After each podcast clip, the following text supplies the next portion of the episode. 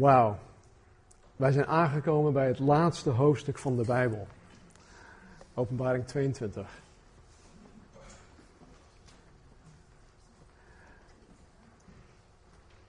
Met een aantal dingen tussendoor hebben we er iets meer dan een jaar over gedaan. Uh, vandaag is de, is de 43ste uh, studie. Hierna, dus na openbaring 22, ik weet niet of je dat hebt gemerkt, is er niets meer. Misschien wat blanco pagina's, misschien wat kaarten van uh, Israël, van Palestina in je Bijbel, maar hierna is er niets dat God nog tegen ons te zeggen heeft met betrekking tot zijn heilsplan. Of uh, uh, wat onze respons daarop hoort te zijn. Er zijn geen instructies meer. Geen uitleg meer. En weet je wat? Ik praat met mensen over veel dingen en, en de wereld om ons heen die, is, die maakt zich zorgen over de toekomst. En terecht. Maar weet je, wij weten hoe het afloopt. Wij zijn bevoorrecht om het laatste hoofdstuk al te weten. We weten hoe het afloopt. En het is geen afloop alsof het gaat aflopen. Nee, het is eigenlijk een nieuw begin. En de vorige keer, zo'n twee weken geleden, hebben we in uh, Openbaring hoofdstuk 21 naar het Nieuw Jeruzalem gekeken. We hebben van buitenaf gekeken naar deze stad. Vandaag gaan, gaan wij van binnenin een kijkje nemen. De eerste vijf versen in hoofdstuk 22 die gaan nog steeds over hetzelfde, wat, over wat Johannes in de eeuwigheid te zien krijgt. Uh, namelijk de, de, nieuwe hemel, nieuwe aarde, nieuw Jeruzalem. En um, ja, ik weet niet waarom degenen dat ge, gedaan hebben, maar deze vijf versen horen eigenlijk nog bij hoofdstuk 21. Vanaf vers 6 en tot aan het einde van de Bijbel, dus hoofdstuk 21, of, uh, vers 21, gaat het vooral om, uh, om losse uh, afsluitende opmerkingen. Het gaat om praktische waarschuwingen. Het gaat om beloften. En deze waarschuwingen, deze um, opmerkingen, deze beloften, die, die golden zowel voor Johannes als de kerk de eerste, eerste eeuw, maar die gelden ook voor ons. En wat wij vooral voor ogen moeten houden is dat Jezus de openbaring aan Johannes gegeven heeft om voorgelezen te worden in de kerken in zijn tijd. Het, waren, het was een brief. En die brief, de openbaring, hoofdstuk 1 tot en met 22, dat werd als brief meegegeven om aan de zeven verschillende kerken voorgelezen te worden. En zo heeft zich dat verspreid, waardoor het ook uiteindelijk na 2000 jaar ook in onze Bijbel terecht is gekomen. Dus hier zo. um, reden waarom ik dit zeg, is omdat in dit laatste hoofdstuk Jezus tot, tot drie keer toe, tot drie keer toe zegt dat hij spoedig zal komen.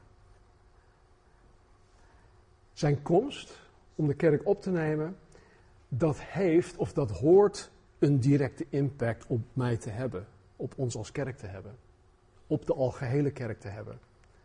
Dat Jezus zegt dat hij spoedig komen zal, uh, vereist een respons van zijn kerk. Het, het, vereist een respons van zijn volgelingen. Het, het, het, vereist een respons van, van jou en van mij.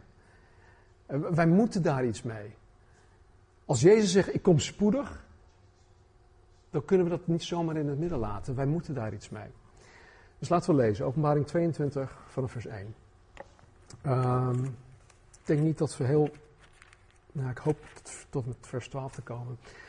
Lezen. En hij, dus die engel, liet mij een zuivere rivier zien van het water des levens, helder als kristal, die uit de troon van God en van het lam kwam.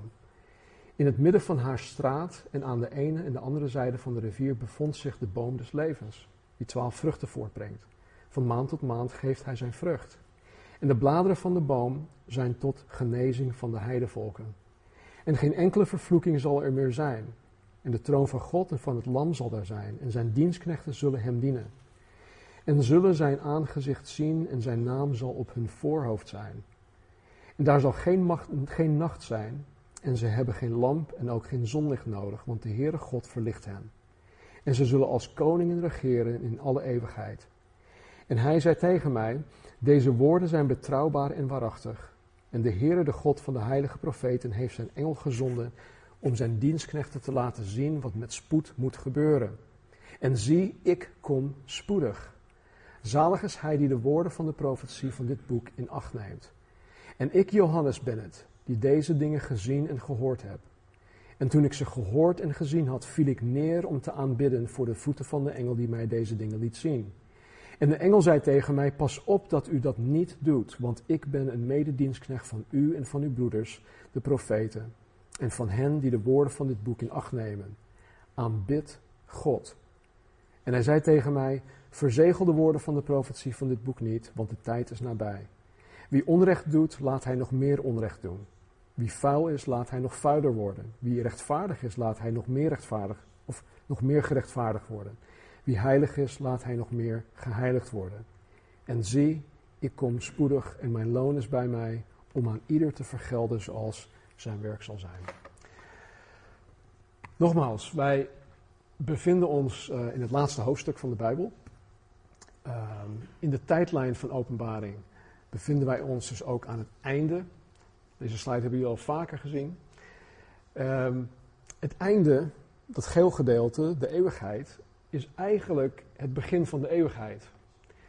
Uh, het is het begin waarin God de nieuwe hemel en de nieuwe aarde schept. Nieuw Jeruzalem komt naar beneden.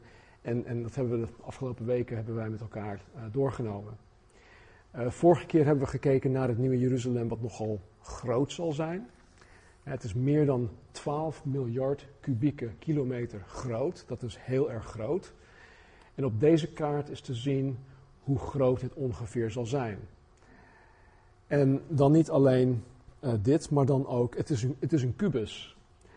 Dus het is 1500 mijl uh, breed, hoog en diep. Wat ik vorige keer ook liet zien, dat heb ik nu niet bij me, is uh, de Borg Cube. En om een beetje een idee te geven van hoe het er eventueel uit zou kunnen zien. Het is gewoon een kubus. Nou, we hebben daar geen voorstelling van, van hoe dat werkt. We hebben alleen de afmetingen. Nou goed, vorige keer keken wij dus naar de buitenkant. Vanmorgen gaan we de stad, uh, de stad eigenlijk in om daar een kijkje te gaan nemen. Vers 1. En hij liet mij een zuivere rivier zien van, van het water des levens, helder als kristal, die uit de troon van God en van het lam kwam. Het is nogmaals, dus nog steeds dezelfde engel uit hoofdstuk 21 die Johannes rondleidt en hem deze rivier laat zien. Het water des levens, hebben jullie al vaker gehoord als jullie de Bijbel een beetje hebben gelezen. Het water des levens spreekt van het eeuwig leven dat God alleen kan geven. De God van de Bijbel is alleen, is, is de, de enige die het water des levens kan geven.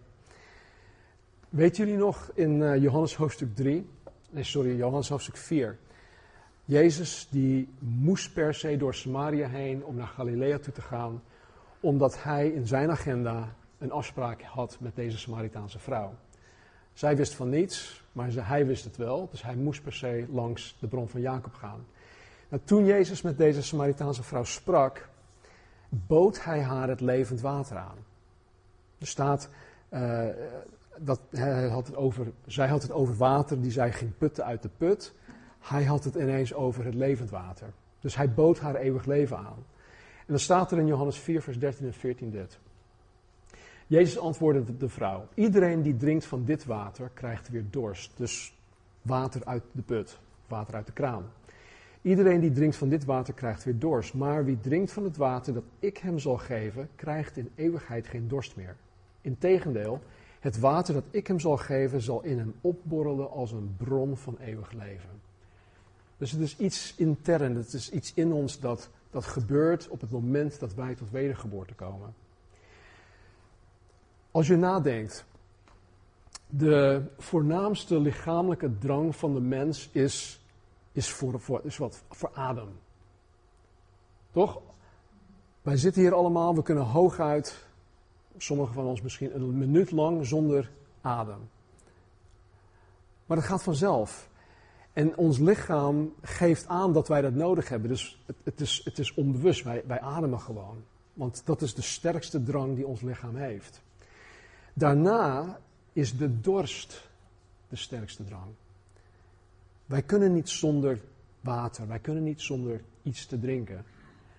En ehm, dorst wordt in de Bijbel vergeleken met de menselijke drang naar, naar vrede, naar rust in hun hoofd en in hun hart, naar voldoening, naar een stuk tevredenheid in hun leven. En Jezus wist dat de Samaritaanse vrouw hiernaar dorstte. Hij wist van tevoren al wat voor leven zij had, hoe haar leven eruit zag. Dat ze tot vijf keer toe getrouwd was en gescheiden was. En dat de man waarmee ze nu leefde, waarmee ze woonde, woonde dat was gewoon, ze woonde gewoon samen met die man. Zij was doodongelukkig. En Jezus wist dat. En het is juist om haar dat hij per se deze weg moest nemen. Dat hij per se die ontmoeting met haar zou hebben. Dus hij kwam daar om haar dorst te lessen. En wat Jezus hiermee zegt, is dat hij en hij alleen de mens voldoening kan geven. Jezus is de enige die de mens betekenis kan geven, die de mens diepe vrede en rust en tevredenheid kan geven. Wanneer een mens van het levend water drinkt, het levend water dat Jezus geeft, zal hij of zij nooit meer dorsten, zegt Jezus. Hij of zij zal volkomen voldaan en tevreden zijn. Waar ik het vorige week ook over heb gehad. Je bent gewoon heerlijk. Ik heb alles wat ik nodig heb. Ik heb alles waar ik naar verlang. Ik heb rust, ik heb vrede in mijn hoofd, ik heb vrede in mijn hart. Ik ben volkomen tevreden. En dat is nu al mogelijk. We hoeven niet te wachten totdat we in de hemel zijn. Het zal daar miljoenen malen beter zijn. Maar we kunnen die rust en die, die vrede en die voldoening en die tevredenheid, die, die kunnen we nu al ervaren. Daarom is Jezus gekomen. En hij biedt ons dat aan. en hier in openbaring zien wij dat degenen die door hun geloof in Jezus Christus in de eeuwigheid terechtkomen, in volmaaktheid voor eeuwig nooit meer zullen dorsten. Sommige mensen hebben, hebben het idee, sorry, hebben het idee dat, dat um, ja, voor eeuwig in de hemel, dat lijkt me hartstikke saai. Als je van basketbal houdt en je gaat naar basketballen, nou, daar is niks meer leuk aan, want je maakt gewoon elke shot.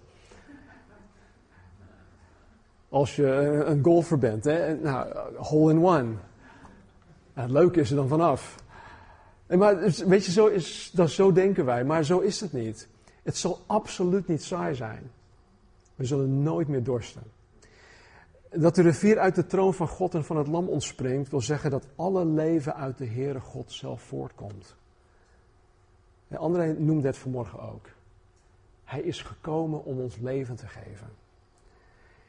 In het midden van haar straat, vers 2, en aan de ene en de andere zijde van de rivier bevond zich de boom des levens, die twaalf vruchten voortbrengt. Van maand tot maand geeft hij zijn vrucht. En de bladeren van de boom zijn tot genezing van de heidevolken. Ik vind de verwoording van dit vers nogal lastig. Ik heb het in meerdere vertalingen heb ik het opgezocht, zelfs in Engelse vertalingen.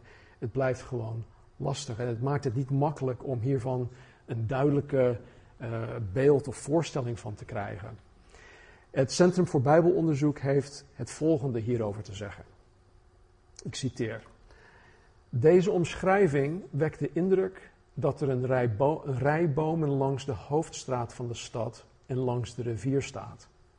In het Hebreeuws, dat duidelijk invloed heeft op het taalgebruik van Johannes, kan het woord voor boom ook geboomte, dus meerdere bomen, aanduiden.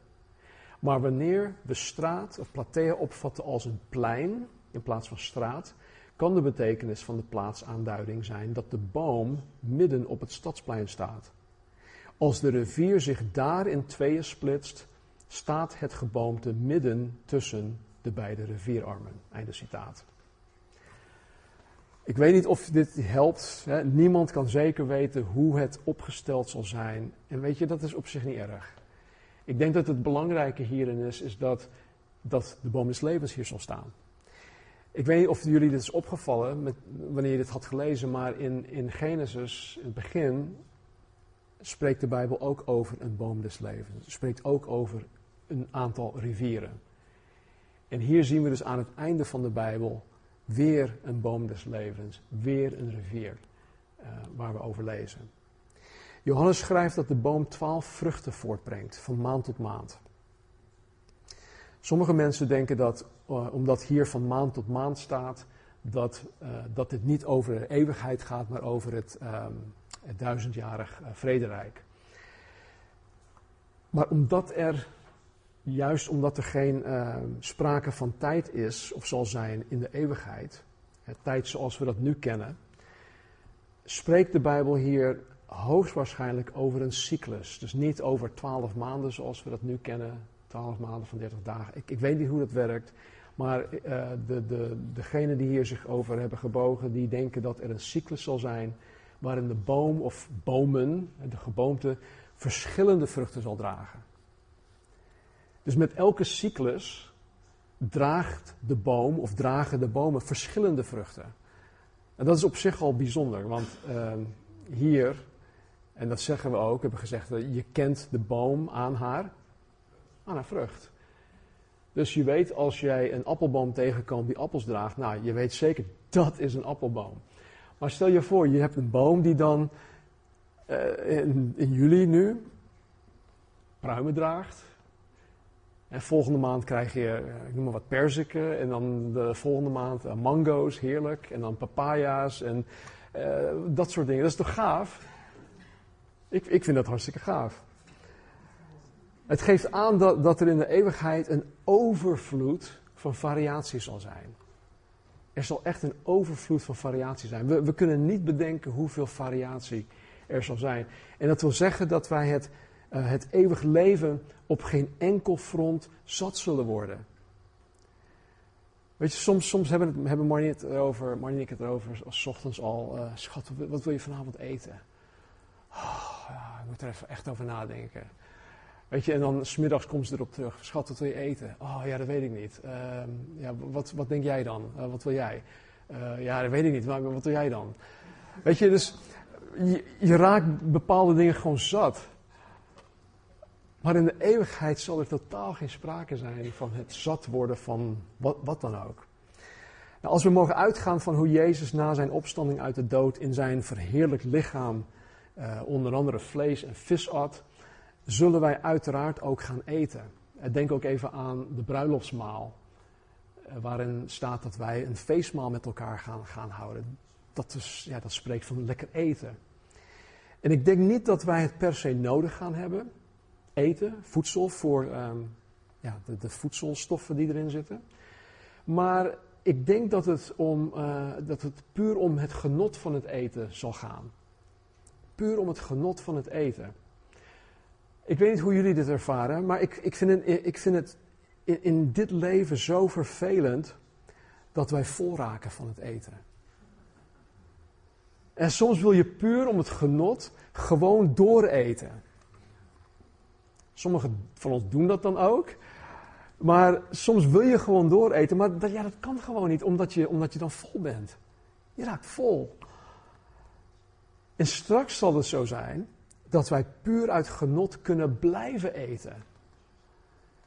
Zonder dat we vol raken, zonder dat wij buikpijn krijgen, zonder dat wij er dik van worden. Dat is toch gaaf?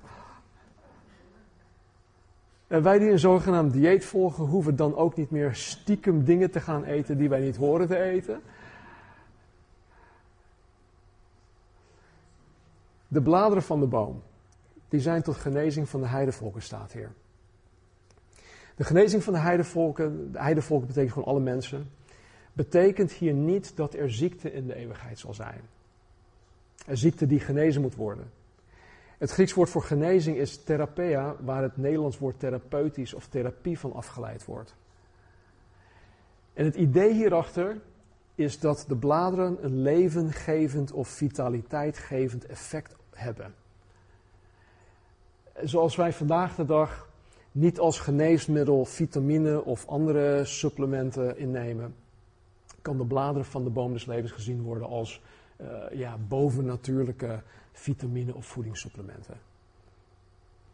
Eh, of wij deze bladeren eh, daadwerkelijk gaan eten of niet, is nog te zien. Maar mochten ze eetbaar zijn, dan is dit toch wel echt een superfood. En niet net als die uh, acai berries en avocado's en dat soort dingen. Nee, dit is echt een superfood. Vers 3. En geen enkele vervloeking zal er meer zijn. De vloek zal er niet meer zijn.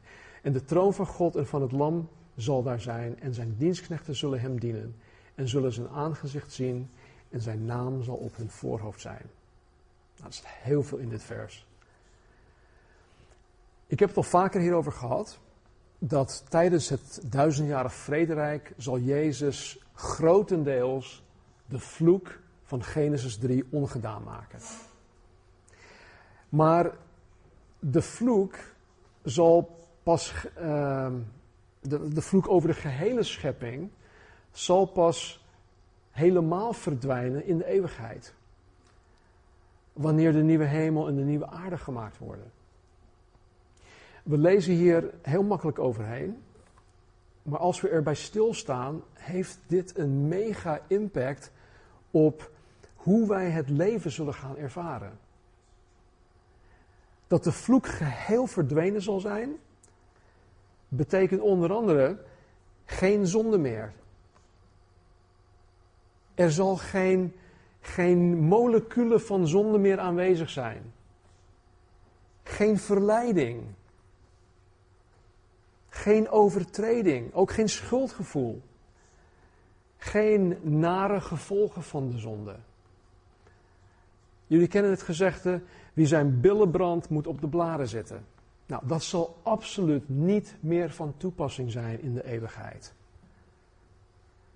Er zullen ook geen gebakken peren zijn.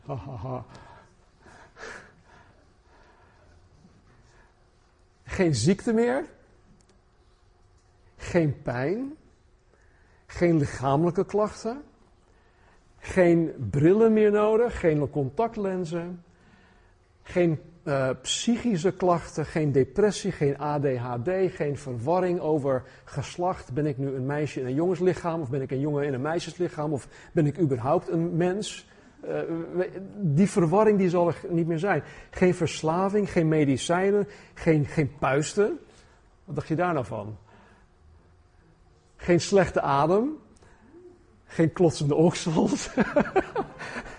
Ga zo maar door de vervloeking, de vloek zal geheel weg zijn. En hoe heerlijk zal het zijn om van al deze ongemakken en ellende geheel en voor altijd gewoon af te zijn. Ik denk dat het gewoon heerlijk zal zijn. Die daar terechtkomen, zullen God en op, op een of andere manier voor eeuwig gaan dienen. En dit betekent niet dat, als, dat wij als slaven gedwongen worden om, om God te gaan dienen maar dat wij volledig, volledig tot ons recht gaan komen. In wie wij zijn en in wat wij zullen doen. Weet je, ik, ik heb uh, in de zakenwereld heb ik ooit als, uh, als manager gewerkt, als people manager. En dan ga je met mensen gesprek over wat hun ambities zijn, wat zij graag willen. En dan zoeken ze een functie die, die echt bij hun past. En dan moet je dat proberen te matchen en dat soort dingen. En dat is gewoon, in, in de praktijk, in deze, in deze gevallenwereld, is dat gewoon heel erg lastig. Verwachtingen en wat, wat, wat, wat realiteit is, dat, dat komt bijna nooit overeen.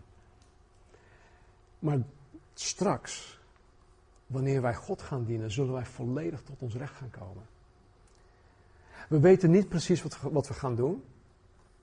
Maar we zullen ons zeker niet gaan vervelen. Ik geloof dat wanneer wij onze functieomschrijving van God gaan ontvangen, dat we zoiets zullen hebben van, oh man, dit is waar ik altijd al naar verlangde. Deze functie is letterlijk op mijn lijf geschreven. Dit is wat ik mijn hele leven wilde doen. Dit is wie ik wil zijn wanneer ik groot word. En dat idee zit daarachter.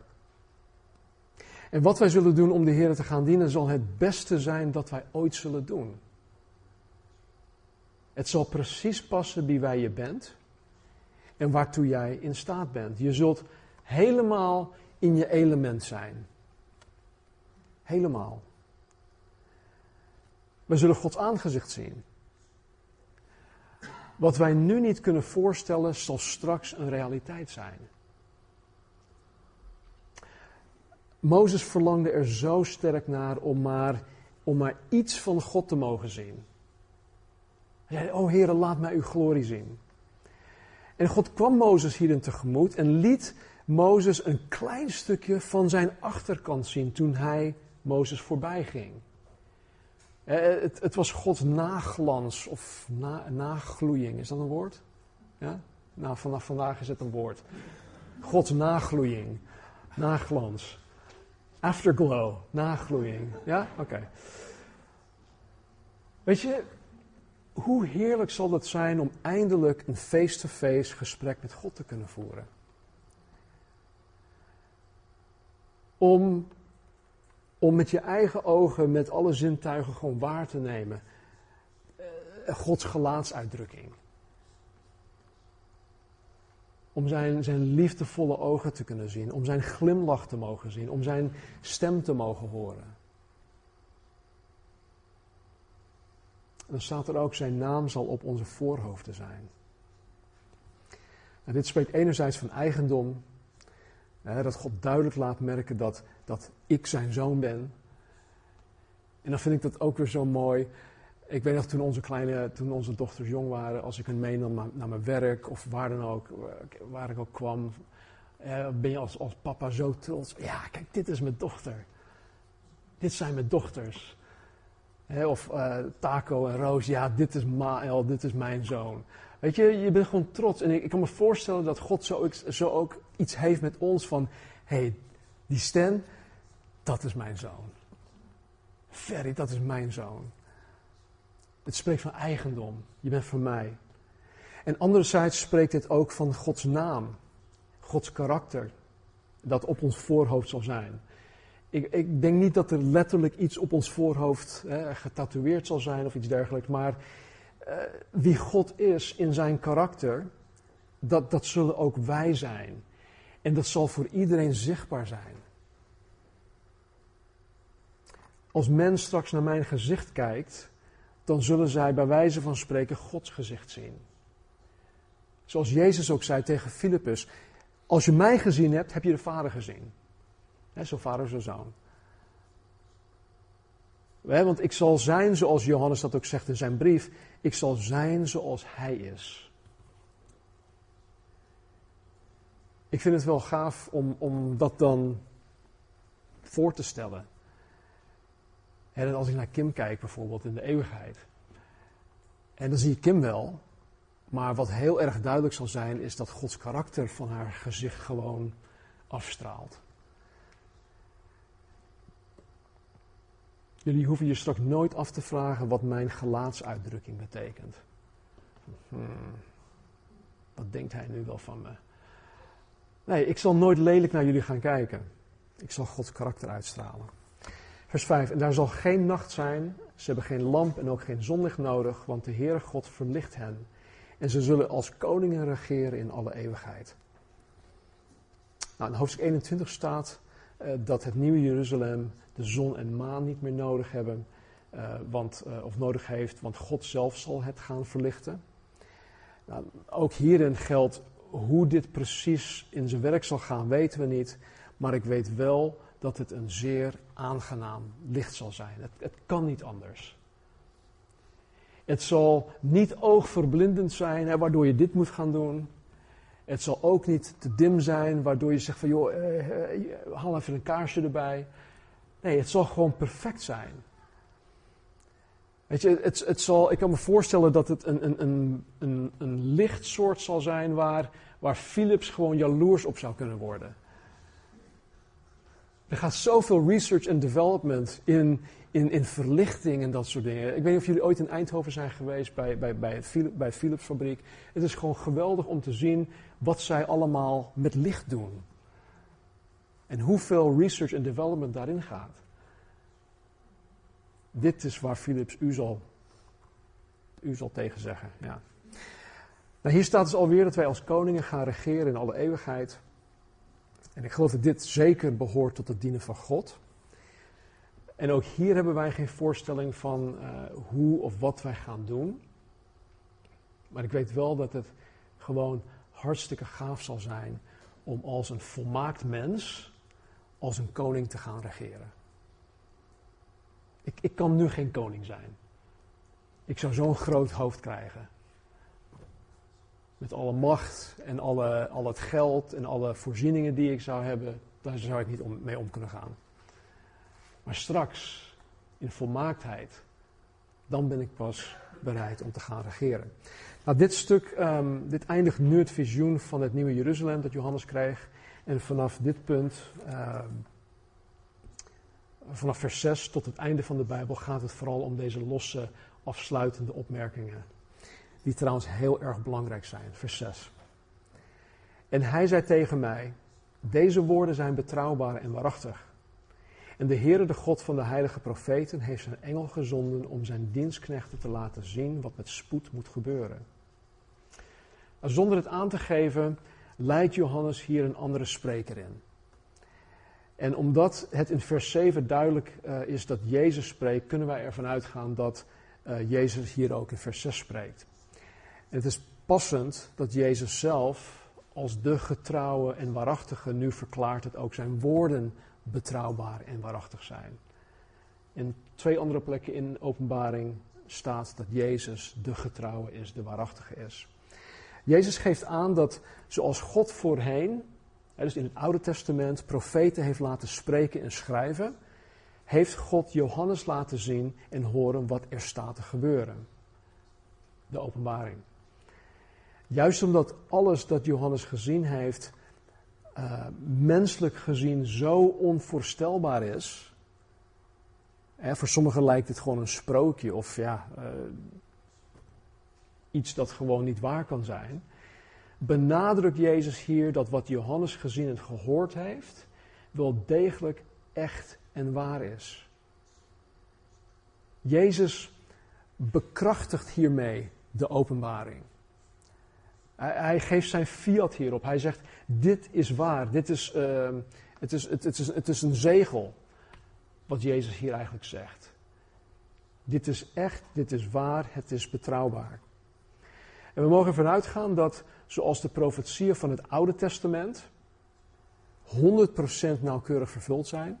Niet alle profetieën, maar degenen die wel vervuld zijn, die zijn met 100% nauwkeurigheid vervuld omdat dat zo gegaan is, kunnen wij ervan uitgaan dat de profetie van openbaring ook met 100% nauwkeurigheid vervuld zal gaan worden. Die garantie, die, die, die zekerheid hebben wij gewoon. En wat hierin ook duidelijk wordt, is dat openbaring letterlijk geïnterpreteerd hoort te worden. Wij moeten openbaring dus niet puur zien als beeldspraak of als, uh, als iets dat wij horen te vergeestelijken. Wij kregen onlangs een verzoek van een, eh, een website die zich ook bezighoudt met openbaring. En die wilde uh, een link van hun website op onze website plaatsen en, andersom. Maar goed, Casper en ik die hebben gekeken naar hun website en uh, hoe zij omgaan met openbaring. En zij hebben een hele andere benadering van openbaring. En ze vergeestelijken alles. Niets wordt letterlijk opgevat ja, daar kunnen wij dus ja, niet, niet mee, uh, mee samen, samenwerken. Want um, de openbaring is, is, voor ons, is aan ons gegeven om, om het gewoon letterlijk op te kunnen vatten. Dus als Jezus zegt dat het om zeven uh, zegels gaat, dan gaat het ook letterlijk om zeven zegels. Als het gaat om uh, drieënhalf jaar, dan gaat het ook om drieënhalf jaar. Als het om Israël gaat, dan gaat het ook om Israël. En niet om een vergeestelijk Israël dat de kerk heet. Weet je, dus um, wij horen um, het letterlijk te interpreteren. En zie vers 7, ik kom spoedig. Zalig is hij die de woorden van de profetie van dit boek in acht neemt. Tot drie keer toe, tot drie keer toe in dit hoofdstuk zegt Jezus dat hij spoedig komen zal. Hier in vers 7, ook in vers 12 en dan later ook nog in vers 20. Jezus zei dit zo'n 2000 jaar geleden. 2000 jaar geleden. Zo heel lang voordat wij geboren waren. Maar hij is nog steeds niet teruggekomen om de kerk op te nemen. Nou, als we Taco mogen geloven. Grapje. Hij is dus nog, nog steeds niet teruggekomen om de kerk op te nemen. En weet je, dit heeft ertoe geleid dat sommige mensen lak zijn geworden met, met betrekking tot de opname. Sommigen spotten hier zelfs mee. Maar wat, wat ik heel, heel erg interessant vind, is dat de eerste kerk, de, de kerk van de eerste eeuw, zich totaal niet bezig hield met bijvoorbeeld het, het profetisch beeld. Met andere woorden, uh, dat uh, eerst, eerst moet dit gebeuren, eerst moet dat gebeuren, dat moet gebeuren vanuit een profetisch uh, perspectief, voordat Jezus terug kan komen. De eerste gemeente hield zich daar totaal niet mee bezig. We zien bijvoorbeeld in de brieven van Paulus, Petrus en Johannes dat de eerste kerk de opname van de kerk elk moment zou kunnen verwachten. Bijbelleraren noemen dit in het Engels de imminent return of Jesus Christ. Imminent return.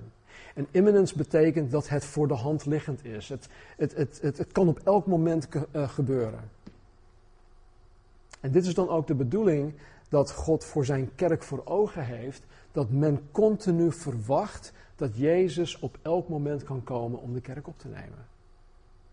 Er is een reden voor waarom hij dat zo heeft gedaan. Maar goed, we zijn nu wel zo'n 2000 jaar verder.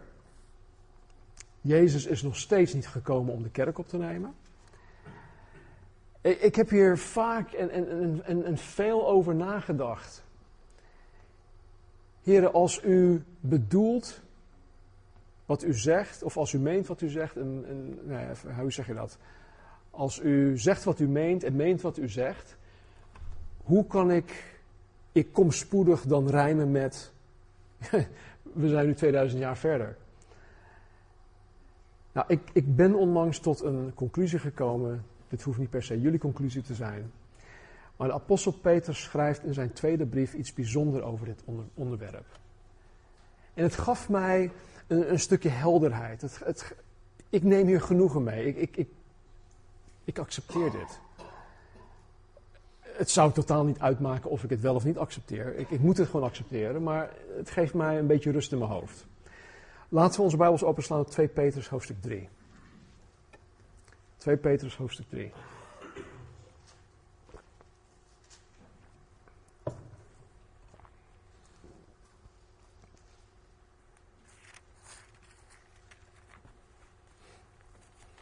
2 Petrus 3 en dan vanaf vers 3.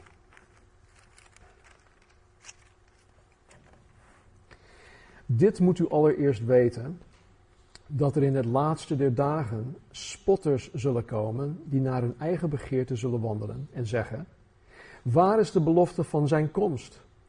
Want vanaf de dag dat de vaderen ontslapen zijn, blijven alle dingen zoals vanaf het begin van de schepping. Want willens en wetens is het hun onbekend dat door het woord van God de hemelen er reeds lang geweest zijn, evenals de aarde die uit water oprijst en in water vaststaat.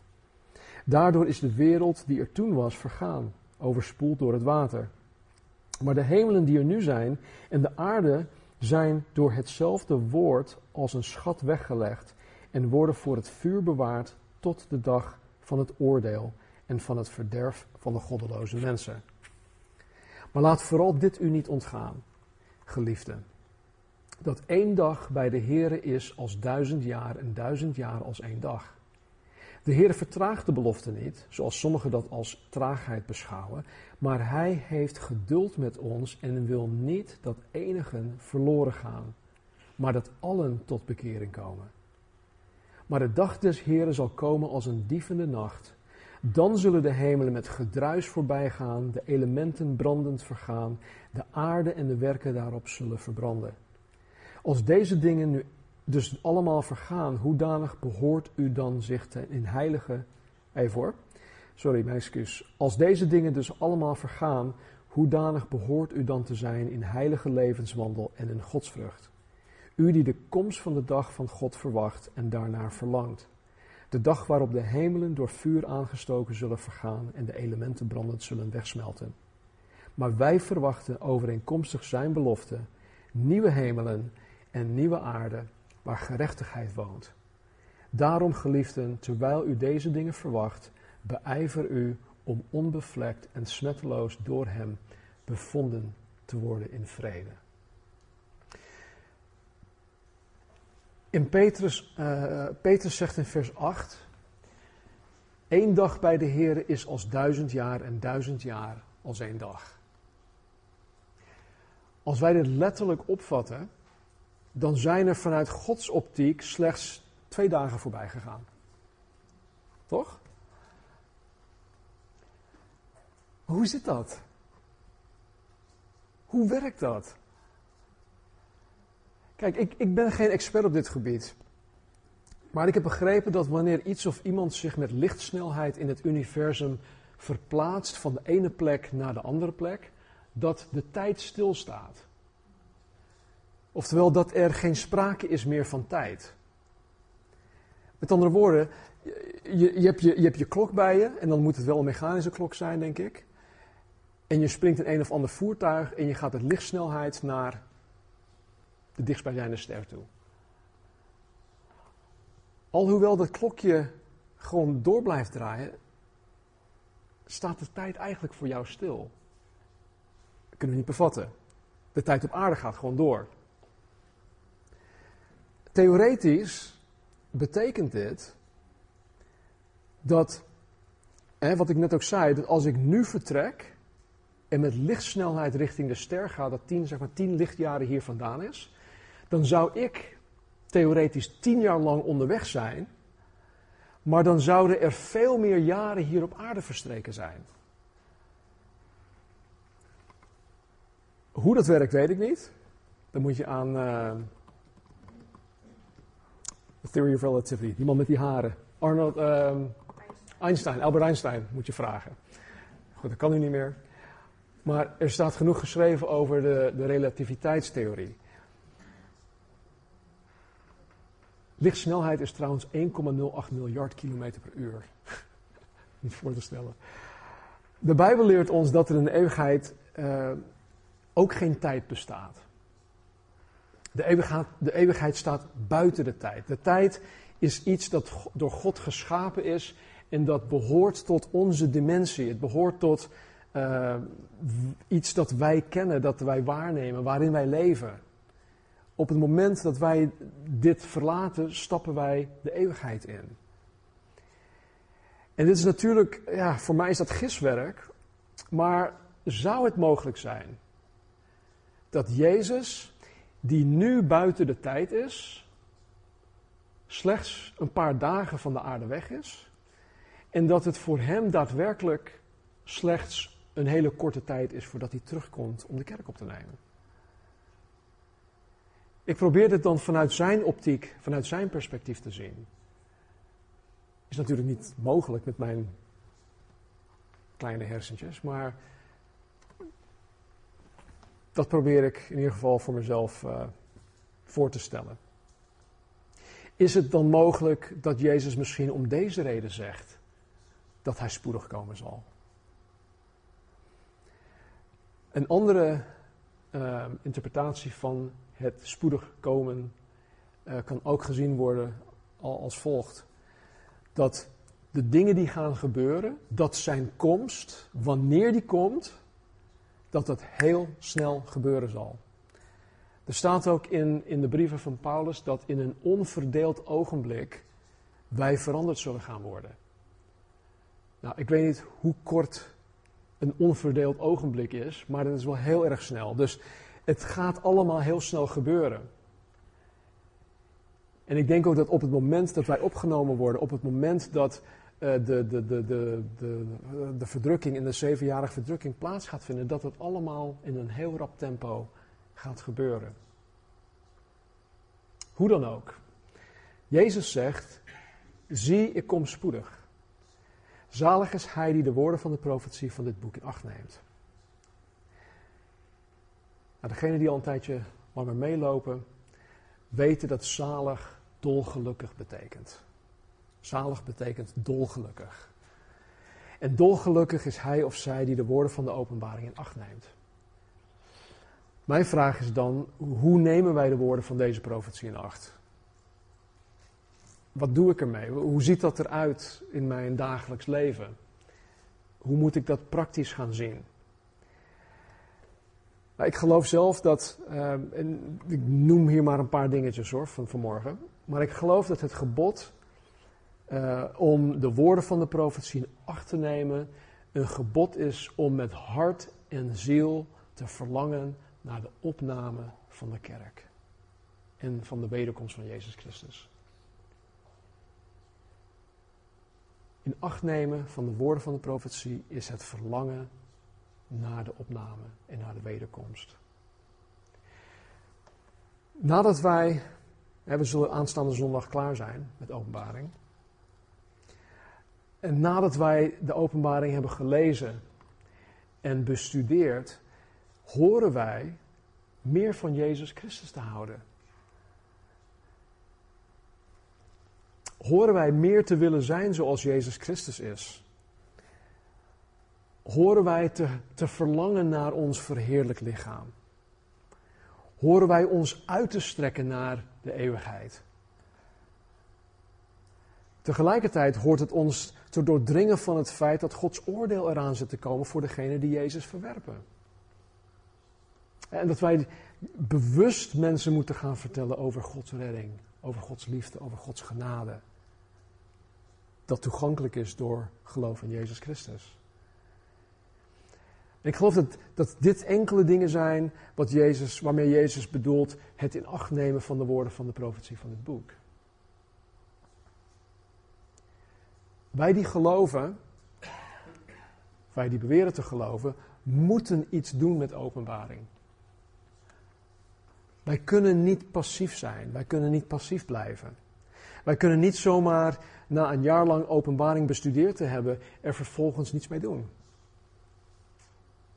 Wij kunnen niet onverschillig zijn, we kunnen niet onverschillig blijven. Vandaar het gebod van Jezus zelf om het in acht te nemen. Het in acht nemen betekent ook dat wij klaar moeten zijn voor de opname. Dat wij het elk moment kunnen verwachten. En ik heb die vraag al meerdere malen gesteld: ben je er klaar voor? Alleen als ik Jezus Christus op elk moment verwacht, zal ik mijn leven dusdanig inrichten dat ik actief bezig ben met zaken van eeuwigheidswaarde.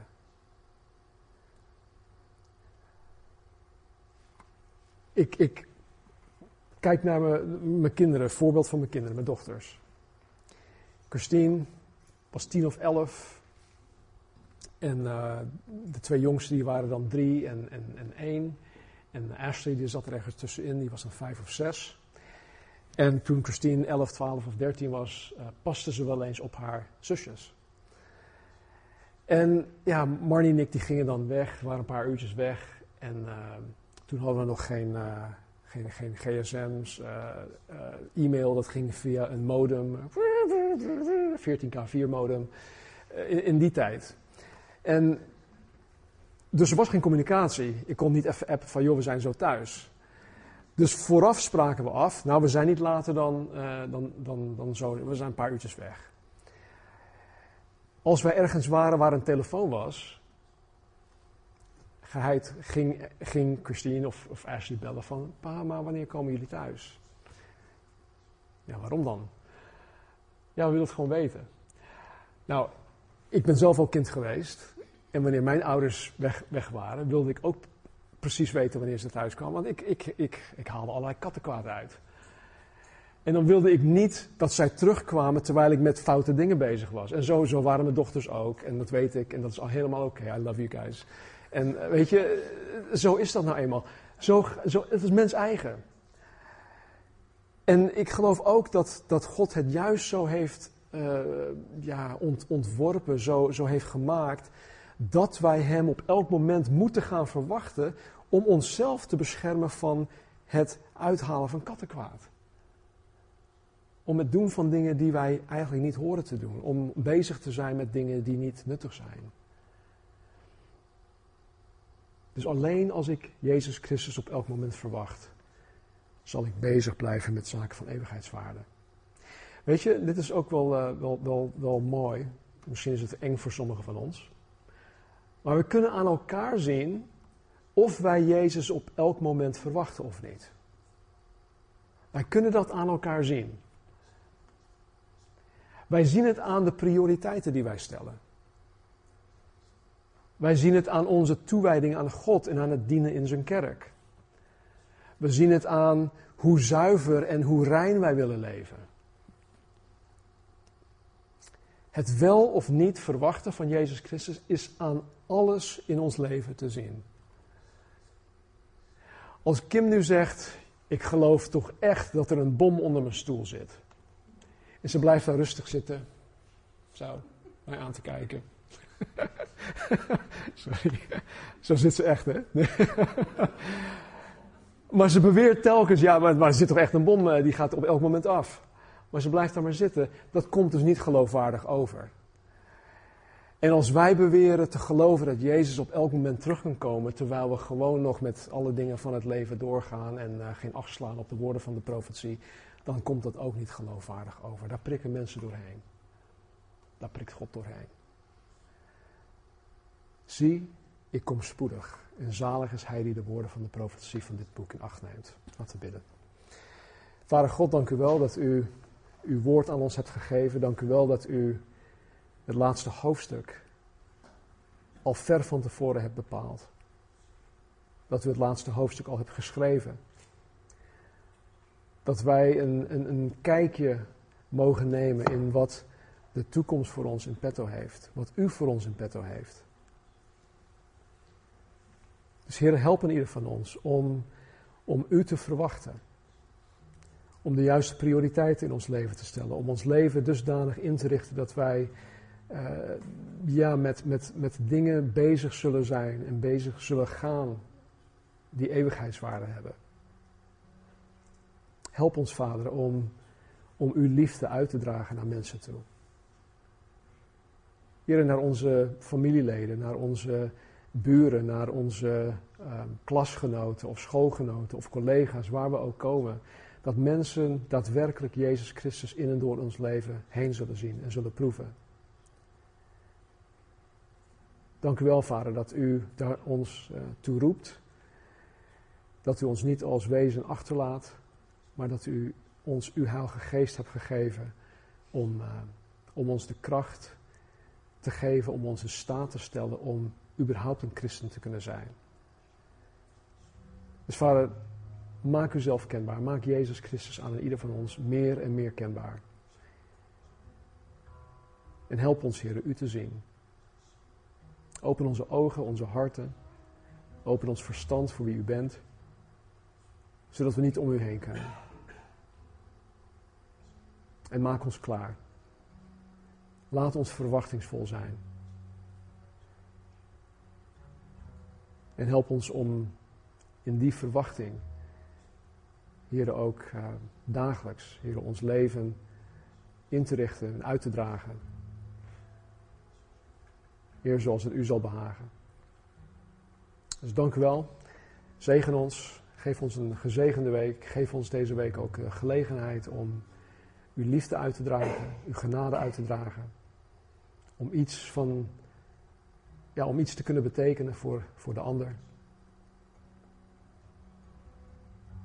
Geef ons, heren, die door u geleide afspraken. Afspraken die wij niet in onze agenda's hebben staan, maar die u wel in uw agenda hebt staan. Opdat we iets van u kenbaar mogen maken. We danken u, we loven en prijzen u en we houden van u. We vragen deze dingen in uw naam, in Jezus' naam. Amen.